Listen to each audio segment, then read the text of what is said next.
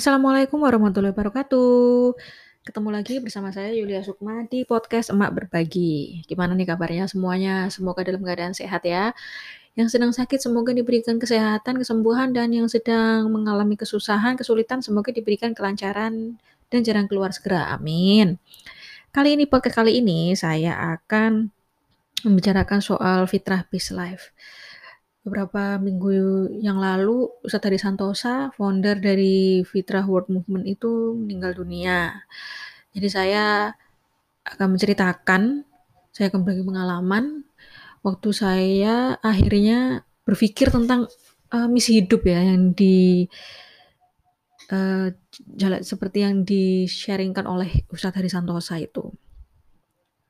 Sebagai gambaran tentang fitrah base life atau misi hidup misi hidup itu kalau Ustadz dari Santosa bilang itu antara bertanya nih kenapa kita diciptakan? Terus buat apa kita diciptakan? Dan juga berpikir eh, akhirat berpikir soal akhirat. Istilahnya kamu punya apa? Yang bisa kamu kasih? Itu juga karena galau ya nggak puas ini kenapa? Kadang berpikir aduh kok gini ya hidupku? Aku udah punya uang, udah punya ini semuanya, tapi kayak ada yang kosong, ada yang hilang, itu kayak manggil-manggil katanya gitu. Nah, ada tugas langit, misi spesifik hidup. Misinya itu adalah tugas spesifik ya, kayak kayak SOP kayak dalam satu perusahaan itu kan ada direktur, ada uh, divisi SDM, divisi operasional, marketing dan lain-lain. Nah, di situ di misi hidup itu kita menemukan SOP kita tuh apa gitu di dalam di dunia ini SOP kita tuh apa? Apakah kita sudah menjalankan misi? Apakah kita sudah menjalankan SOP itu dengan benar? Atau misalnya kita harusnya di marketing nih, tapi kita di operasional seperti itu, jadi nggak kurang maksimal. Nah itu mencari kayak mencari SOP kita tuh gimana? Yang bermanfaat bagi orang banyak ya, yang bermanfaat bagi masyarakat. Itu juga orientasinya langit. Berarti benar-benar kamu nggak cari nggak cari keuntungan di sana gitu nggak bisa ditukar dengan apa pun, nggak kenal pensiun, spesifik, dan menebar manfaat. Eh, kata-kata yang dari Santosa tuh gini juga, keimanan seseorang atau titik keyakinan untuk menolong agama Allah itu dalam misi hidup atau melakukan perubahan dalam satu bidang kehidupan dengan memberi manfaat sebesar-besarnya kepada umat. Sehingga Allah ridho. Lalu bakat sebagai solusi bagi satu bidang kehidupan yang kita ingin perbaiki atau rubah kalau Satri Santosa kan e, bidangnya pendidikan ya, itu juga e, Satri Santosa juga bilang misi hidupnya adalah mengembalikan kesejati, kesejatian pendidikan Indonesia. Bidang perjuangannya pendidikan berbasis fitrah. Bakatnya Satri Santosa itu meneliti, mendalami pikiran. Nah, itu cocok itu akhirnya. Ini aktivitasnya adalah ngajar, aktif di komunitas. Terus melakukan riset. Itu uh, misi hidup dari Ustadz Hari Santosa. Nah, salah satu cara untuk e, mengetahui misi hidup itu kadang kita berpikir manfaat bagi sesama di lingkungan sekitar kita didukung dengan kita harus didukung dengan fisik yang prima, pola pikir yang baik, ilmu skill yang dimiliki, kedewasaan diri, kemampuan emosional yang mumpuni, dan keimanan yang baik. Nah, ini semuanya itu harus optimal dulu ya cek diri sendiri apakah kita sudah mumpuni. Nah, kalau yang Ustaz Santosa bilang, gimana kedewasaanmu nih? Gitu. Kamu dalam dikasih tanggung jawab baru itu seperti apa? Kasih tanggung jawab baru apa kamu bisa? Ya, apakah kamu sudah secara emosional itu punya kecerdasan emosional, ya kan? Kalau kamu belum selesai dengan dirimu, selesaikan dulu. Fisiknya gimana? Bisa nggak kamu untuk menjalankan misi hidup itu? Atau keimananmu kayak gimana? Selain skill atau kemampuan dan nalar atau pikir. Nalar juga penting. Berarti paling penting itu adalah yang tadi kedewasaan emosional juga penting di situ. Setelah semuanya prima ya sudah fisik oke pola pikir baik punya skill kemampuan yang dimiliki kedewasaan diri juga baik emosional yang mumpuni terus keimanannya juga sudah optimal baru kita berpikir mencari kelebihan bakat dan bagaimana bakat tersebut bisa bermanfaat bagi sesama tanpa merusak alam dengan tujuan langit tanpa orientasi, orientasi uang dan bisa diteruskan oleh keturunan kita, anak cucu kita. Nah ini juga, eee, akhirnya kalau saya lihatnya kamu harus punya tahu bakatmu tuh apa gitu. Salah satu tools yang bisa dipakai untuk pencarian bakat tuh adalah talent mapping. Teman-teman, eee, yang lain juga sudah sudah sering ya mendengar ya, kalau di komunitas saya tuh sering banget dengar talent mapping, talent mapping Rama. Nah itu bisa jadi salah satu alternatif untuk pencarian mengetahui bakat kita itu apa gitu. Karena semua orang itu kan diciptakan unik ya, kayak saya, saya suka ngobrol gitu, tapi kalau kayak, eee, teman saya tuh malah lebih suka baca, saya tuh nggak suka baca. Saya suka dengarkan video, nah itu kan beda-beda, kenapa diciptakan beda-beda, kenapa kok nggak sama? Aja suka baca semua gitu kan. Itu kan sesuatu hal yang unik. Itu digunakan untuk menyelesaikan permasalahan umat ya, menyelesaikan sebagai SOP kita, sebagai, eee, kemampuan kita yang diberikan sama Allah. Unik, masing-masing orang itu unik gitu. Ada yang gimana sih cara cara cara tahunya kita itu misi hidupnya apa? Kalau Satria Santosa bilang dengan taksiyatun nafs, ya minta kepada Allah. Nanti juga ketemu gitu kan, tapi tetap harus berusaha. Karena salah satu tabungan akhirat itu adalah ilmu yang bermanfaat. Nah, ilmu ini juga harus didukung dengan yang lain tadi saya bilang, ada kedewasaan, emosional, fisik yang bagus, keimanan, dan nalar pola pikir yang bagus. Akhirnya saya berpikir loh setelah ikut Fitrah Base Life itu saya berpikir yang pertama kali itu adalah saat, eee, menelusuri semua tingkat ya kedewasaan. Kalau kedewasaan itu saya belajar dewasa itu setelah menikah. Itu juga belajar dewasa, belajar mulai dari baru setelah nikah. Waktu SMA tuh saya sam SMA sampai sampai kuliah, sampai nikah kan saya ikut orang tua ya, ikut orang tua itu kan kebanyakan banyak enaknya gitu. Nggak banyak punya tanggung jawab baru gitu kan, enggak. Kucing juga nggak punya saya, tanggung jawab apa gitu kan. Sama adik juga saya punya saudara juga saudara, saya yang ngurusin kan gitu. Terus emosional, kalau dari sisi emosional saya cenderung orangnya adalah pendiam gitu. Nggak yang berapi-api, terus udah diem aja lah gitu. Walaupun sebenarnya itu nggak terlalu baik ya ke depan ke depan itu nggak bagus, cuma ya saya bisa menahan itu gitu. Fisik juga saya nggak pernah nggak ada sakit yang bagaimana, itu enggak. Eee, kalau pola pikir sih saya mengandalkan me mentor ya, saya punya guru itu tanya, nggak nggak paham gitu bisa tanya ya. Jadi saya pikir, "Oke, saya bisa nih." Akhirnya saya berpikir soal bakat. Nah, kadang-kadang kan kita, eee, "Apa kemampuanmu?" Kadang orang mikir kemampuan kita itu kita bagusnya di mana nih waktu kuliah, waktu SD, SMP, SMA, kuliah gitu. Tapi sebenarnya nggak gitu-gitu gitu-gitu juga bisa, atau malah, eee, itu sebenarnya kayak suatu pencapaian, tapi itu bukan bakat gitu, itu kayak kompetisi sebenarnya. Kalau bakat itu kan ada ada 4 E. Enjoy, easy, excellent, earn gitu kan. Kadang kalau kita cuma punya enjoy, easy, excellent gitu kan, itu kan berarti cuma ya mungkin hobi gitu aja. Atau malah kita nggak easy, tapi kita kit kita kita nggak nggak nggak nggak enjoy, tapi kita easy aja, gampang, excellent juga bisa, dan menghasilkan kayak apa yang kita kerja gitu. Oh itu juga bakat kali ya, aku kok kerja di sini aku bakat, belum tentu juga gitu kan. Jadi harus mencakup 4 E ini tadi. Salah satu caranya ya bisa dengan talent mapping, itu pun kalau talent mapping juga harus dicek dulu, dilihat dulu, di kita juga harus introspeksi dengan diri kita sendiri apakah benar hasilnya. Itu kan karena itu kan yang me mengisi kita. Kadang-kadang kita juga pinginnya, "Aku pinginnya begini ah, aku pinginnya begini," tuh jangan, harus jujur bener-bener kamu ping kamu yang kamu rasakan tuh seperti apa. Tapi kalau di talent mapping itu memang harus orang yang udah banyak aktivitas, kan ada beberapa 144 ba eh, 144 aktivitas itu ya. Itu kalau bisa harus di dirasakan semua, biar kamu tahu sebenarnya kamu memang sukanya di mana. Kalau orang yang terlalu banyak aktivitas, nggak terlalu banyak punya pengalaman di beberapa bidang, beberapa hal, itu biasanya yang disukai situ-itu aja ya, akhirnya yang keluar ya hanya itu gitu loh. Cuma kalau misalnya aktivitasnya banyak, malah lebih banyak lagi, lebih akan lebih bagus lagi gitu loh, nggak akan bias gitu ya. Dari tanah mapping saya, itu bakat saya relator yang berhubungan dengan relasi ya, berhubungan dengan hubungan antar manusia itu belief, saya itu mendulukan orang lain, maximizer, saya suka itu di Dilihat orang gitu, suka lihat orang, WOO, saya tuh suka ngobrol sama orang, termasuk analytical dan komunikator. Analytical itu berhubungan dengan analisis ya, karena saya seorang manajemen, saya orang eee, statistik itu saya senang banget sama analisis, saya senang banget yang berhubungan dengan otak-atik angka, saya senang banget yang berhubungan dengan pengendalian, evaluasi itu senang dan komunikator. Yang nggak banget adalah futuristik dan fokus, saya orangnya nggak fokus. Saya kerjakan ini, nanti ada yang lain lebih seru saya pindah, itu nggak fokus itu. Saya nggak futuristik, jadi saya nggak tahu nih ke depan akan gimana, nggak tahu. Kegiatan yang sesuai dengan bakat saya menurut talents mapping saya yaitu analyzing, menganalisis jelas, communicating iya, saya suka ngobrol iya, corresponding itu menulis surat, menulis.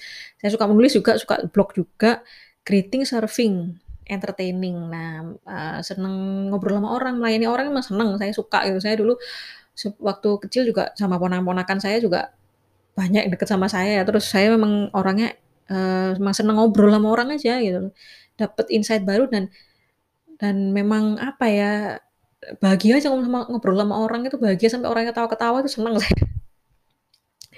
Jadi perannya kalau dari situ adalah server yang melayani, analis, communicator, ambassador, seller.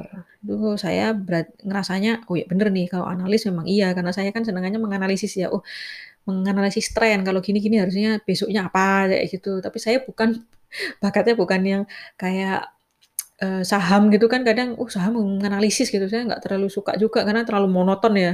Saya sukanya kayak mengevaluasi, mengendalikan, nah kayak gitu tuh saya suka. Nah saya juga, eee, ngurusin ISO ya di kantor, jadi ISO dan keuangan, jadi saya suka itu memang, eee, pekerjaannya saya suka. Selain saya juga seneng ngobrol gitu sama orang, saya suka, coaching ya, lebih ke coaching ya, kayak temen-temen saya tuh yang di staf-staf saya tuh, saya suka mengarahkan mereka, "Ya kamu harus seperti ini," itu saya seneng gitu, seperti itu. Nah, Dr. Hari Santosa juga bilang, "Ada kejadian nih, tidak mungkin kita bertemu orang itu kita nggak nggak ada manfaatnya gitu, tidak ada kejadian yang, eee, tidak ada kejadian yang kebetulan dalam hidup itu." Nah, jadi, eee, caranya mencari misi hidup, makna hidup itu adalah mulai kamu tracing dari kamu lahir sampai sekarang.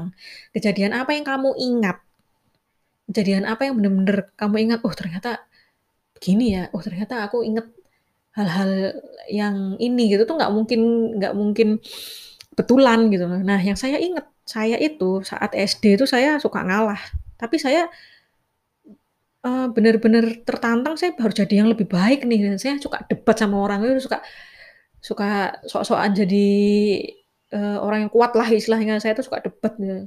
Saya suka pengen jadi yang terbaik nih.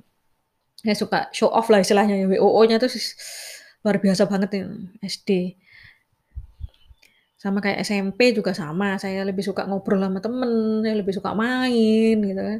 Saya lebih suka les di mana-mana tuh saya, saya banget itu. Saya suka sehari-hari saya tuh les, hari-hari saya tuh ketemu sama orang daripada di rumah.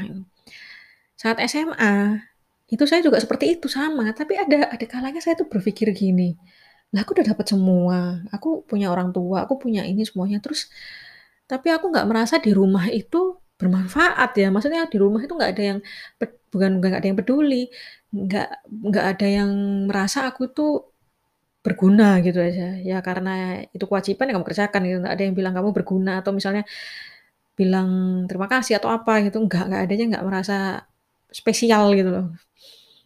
Di situ waktu SMA, SMA kelas 2 mungkin ya, apa karena jenuh juga kan SMA kelas 2 itu merasa seperti itu, akhirnya apa yang saya lakukan, saya itu coba, eee, berbicara dengan salah satu penjual makanan di kantin ya. Saya sampai ikut jualin, saya sampai duduk di sana, istilahnya saya sampai ngobrol, curhat semua tuh sama bu kantin yang jual bakso itu. Terus juga saya ngobrol sama satpamnya, udah ngobrol sama siapa aja, akhirnya orangnya ketawa-ketawa, terus saya main sama anaknya. Itu terus saya membuat mereka tersenyum, itu rasanya salah satu hal yang membuat saya, "Ya aku bisa menyenangkan orang nih," kayak gitu. Itu itu adalah titik yang saya ingat seumur hidup saya itu adalah pada saat SMA itu saya inget itu, bener-bener saya inget. Kemudian akhirnya saya juga jadi sekretaris kelas gitu, saya jadi sekretaris kelas, dari kelas 1, 2 tuh saya sekretaris, terus intinya dari SMP juga seperti itu, sama itu udah jadi pengurus kelas lah, walaupun saya nggak jadi pengurus OSIS kan. Karena bagi saya, saya pengen belajar, bener-bener pengen belajar, pengen punya ilmu tuh, pengen ya pengen belajar. Habis setelah itu kuliah S1, nah ini lebih semangat lagi nunjukin kemampuan, senang belajar, akhirnya saya dapet S1 statistik cum laude. Itu, eee, ya itu, tapi kejadian yang tidak saya lupakan itu adalah setelah saya lulus, saya diminta untuk kuliah lagi dibayarin. Nah, itu saya tolak. Alasan saya adalah saya terlalu bersemangat untuk jadi wanita karir kali ya, wanita karir dan beker bekerja di bidang-bidang yang lain gitu loh. Akhirnya saya menolak itu dan itu saya sesali sampai sekarang. Begitu jadi dosen kan bisa gitu kan, jadi dosen kan lumayan nggak usah cari kerja udah dapat kerja ya kan. Ya tapi ya gitulah tidak ada kejadian yang, eee, kebetulan dalam hidup itu, nggak ada yang kebetulan dalam hidup. Kalau nggak gitu saya nggak akan kuliah S2, saya nggak akan ketemu sama suami saya kan. Waktu kuliah S2, nah ini dia nih, saya bisa mempengaruhi teman-teman loh. Saya tuh waktu itu pengen jurusannya itu manajemen strategi. Nah, teman-teman pengennya SDM sama keuangan. Saya gini, "Wah, ini harus berapa orang nih strategi?" Saya tanya gitu ya, "Harus minimal 15 orang ya." Satu satu kelas tuh ada 30. Saya bisa yakinkan orang yang marketing kalau SDM, marketing itu untuk jadi strategi semua. Akhirnya strategi dibuka dong. Dan teman-teman pada protes, "Ternyata strategi itu susah." Saya juga gitu, "Iya ya, itu hanya demi keinginan saya aja sebenarnya sih." Itu tuh yang saya ingat sampai sekarang, "Oh bisa ya ternyata ya kayak gini," gitu. Eee, kemudian sa eee, saya kuliah S2 terus menikah, nikah ya sama suami saya, saya ketemu suami sewaktu kuliah S2 gitu.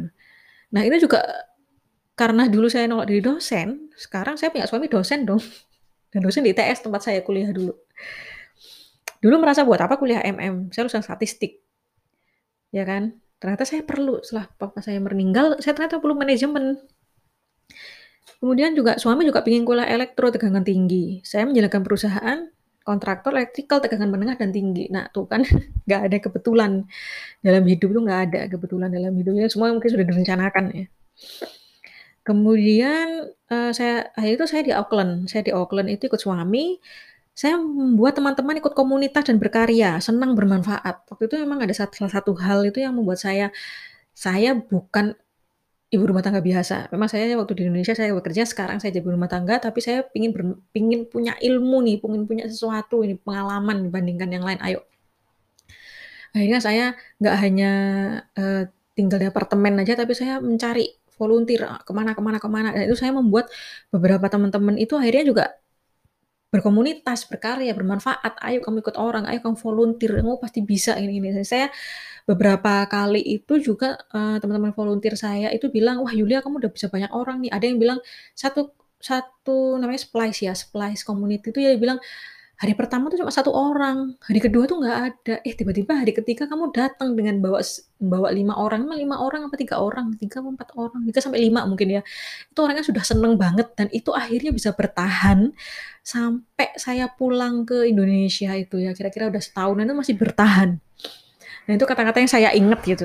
Terus waktu di volunteer itu juga gitu, "Wah Yulia saya sampai ditawarin dari volunteer tuh jadi ditawarin beneran jadi kerja di sana, jadi asisten koordinator." Tapi saya tolak waktu itu karena saya mau pulang gitu, dan saya nggak memang nggak pingin kerja, saya cuma pengen jadi volunteer.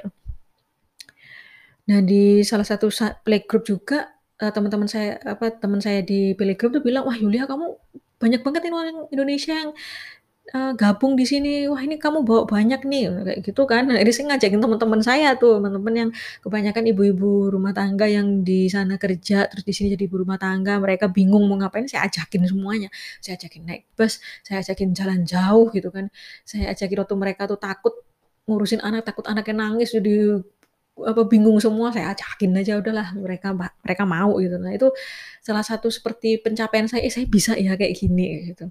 Dan saya senang melihat teman-teman saya senang, terutama, eee, teman saya bilang, "Eh, saya dapat, eee, dapat sertifikat ini loh, makasih ya." Kayak gitu tuh sudah sesuatu yang membanggakan, membahagiakan buat saya gitu, saya bisa bermanfaat nih buat orang lain. Nah, dari cerita saya tadi yang soal misi hidup itu saya introspeksi diri ya, introspeksi diri, eee gimana ya, di bidang apa ini saya, kan kalau Sarjana Santosa pendidikan gitu. Kalau saya di bidang apa, saya suka analis gitu. Eee, akhirnya eee, saya mutusin, udah saya suka suka banget berbagi ilmu gitu, saya suka banget berbagi ilmu, saya suka banget ngobrol.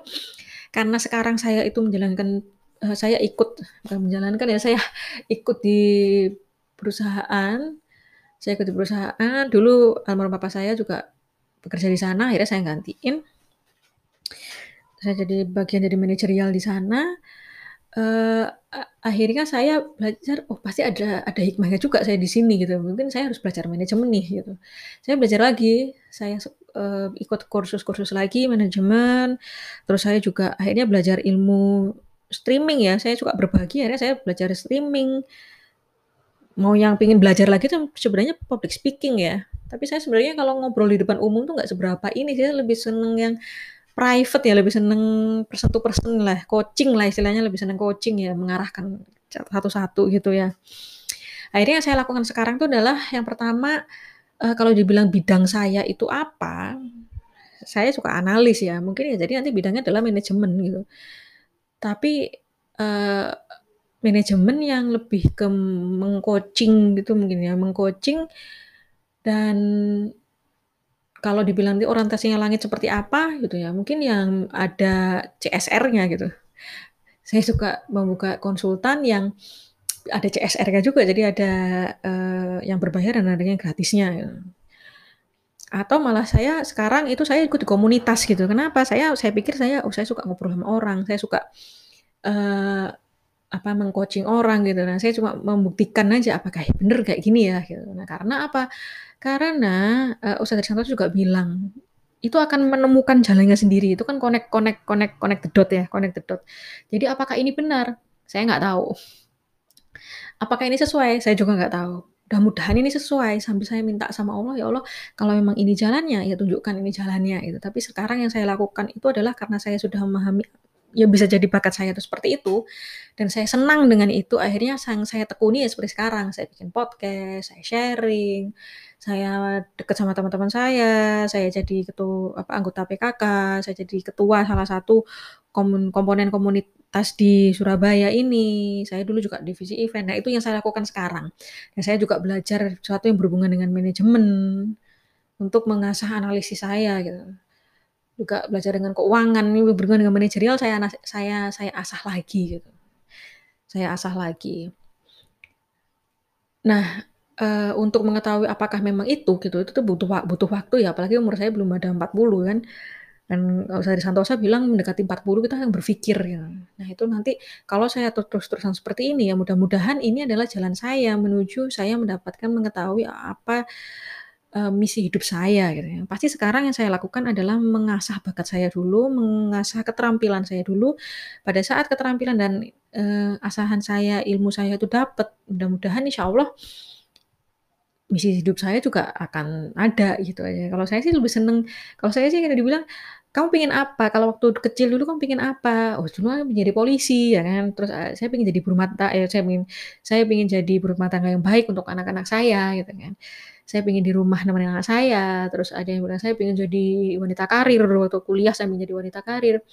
Nah sekarang kalau misalnya saya saya sudah jadi rumah tangga, saya sudah pernah menikmati jadi wanita karir, "Apa yang kamu inginkan pada saat usia tua?" Gitu ditanya. Saya ingin jadi, eee, pengurus masjid gitu. Ada salah satu orang di Masjid Agung Masjid Al Akbar Surabaya itu namanya Ustazah Hasniah. Ustazah Hasniah tuh menginspirasi saya banget ya. Beliau tuh yang bantu pada saat, eee, urusan dengan almarhum papa itu saya minta tolong dan minta, eee, advice-nya Ustazah Hasniah. Saya saya mikir gini, suatu saat saya pengen jadi kayak Ustazah Hasniah, cita-cita dong jadi pengurus masjid gitu nih cita-cita saya gitu. Ngurusin ini, ngurusin bansos, bantuan sosial, ngurusin apa, eee, datang ke rumah sakit-rumah sakit untuk untuk, eee, komunikasi, terus habis gitu ngurusin yang berhubungan sosial lah, ketemu banyak orang, itu seneng waktu saat pada saat tua ya. Ustazah Hasniah juga sudah udah berumur ya dan itu masih sehat gitu kan. Nah saya jadi berpikir sekarang, itu berpikir saya pengen jadi kayak Ustazah Hasniah. Salah satu pengurus masjid di Masjid Al Akbar Surabaya. Apakah itu akan terjadi? Kita nggak tahu gitu, saya nggak tahu. Ya mungkin mungkin gitu. Tapi yang pasti sekarang yang saya lakukan adalah tetap istiqomah, saya tetap belajar, dan saya tetap fokus dengan apa yang saya lakukan dan tujuan saya adalah, eee, tujuan langit ya, tujuan saya adalah bermanfaat bagi sesama dan tujuan saya itu adalah membuat orang jadi eee, saya jadi jadi ada gunanya di masyarakat gitu. Apakah apa yang saya lakukan benar? Ya kita akan lihat gitu. Apakah itu akan connect the dot, connect the dot itu ak akan menemukan jalannya, lewat jalan mana, ataukah itu akan berbelok. Nah itu nggak tahu, saya sendiri juga nggak tahu, yang pasti apa yang saya lakukan sekarang itu, eee, saya anggap itu sudah yang terbaik ya. Tempuh dengan baik dan mudah-mudahan juga bisa, eee, bermanfaat juga gitu. Yah, itulah pengalaman saya mengenai fitrah Best Life, mengenai mas makna hidup, mengeta mengenai bermanfaat bagi sesama. Semoga bermanfaat dan semoga menginspirasi juga, semoga bisa dijadikan masukan juga, dan sampai ketemu di podcast Emak Berbagi selanjutnya. Wassalamualaikum warahmatullahi wabarakatuh.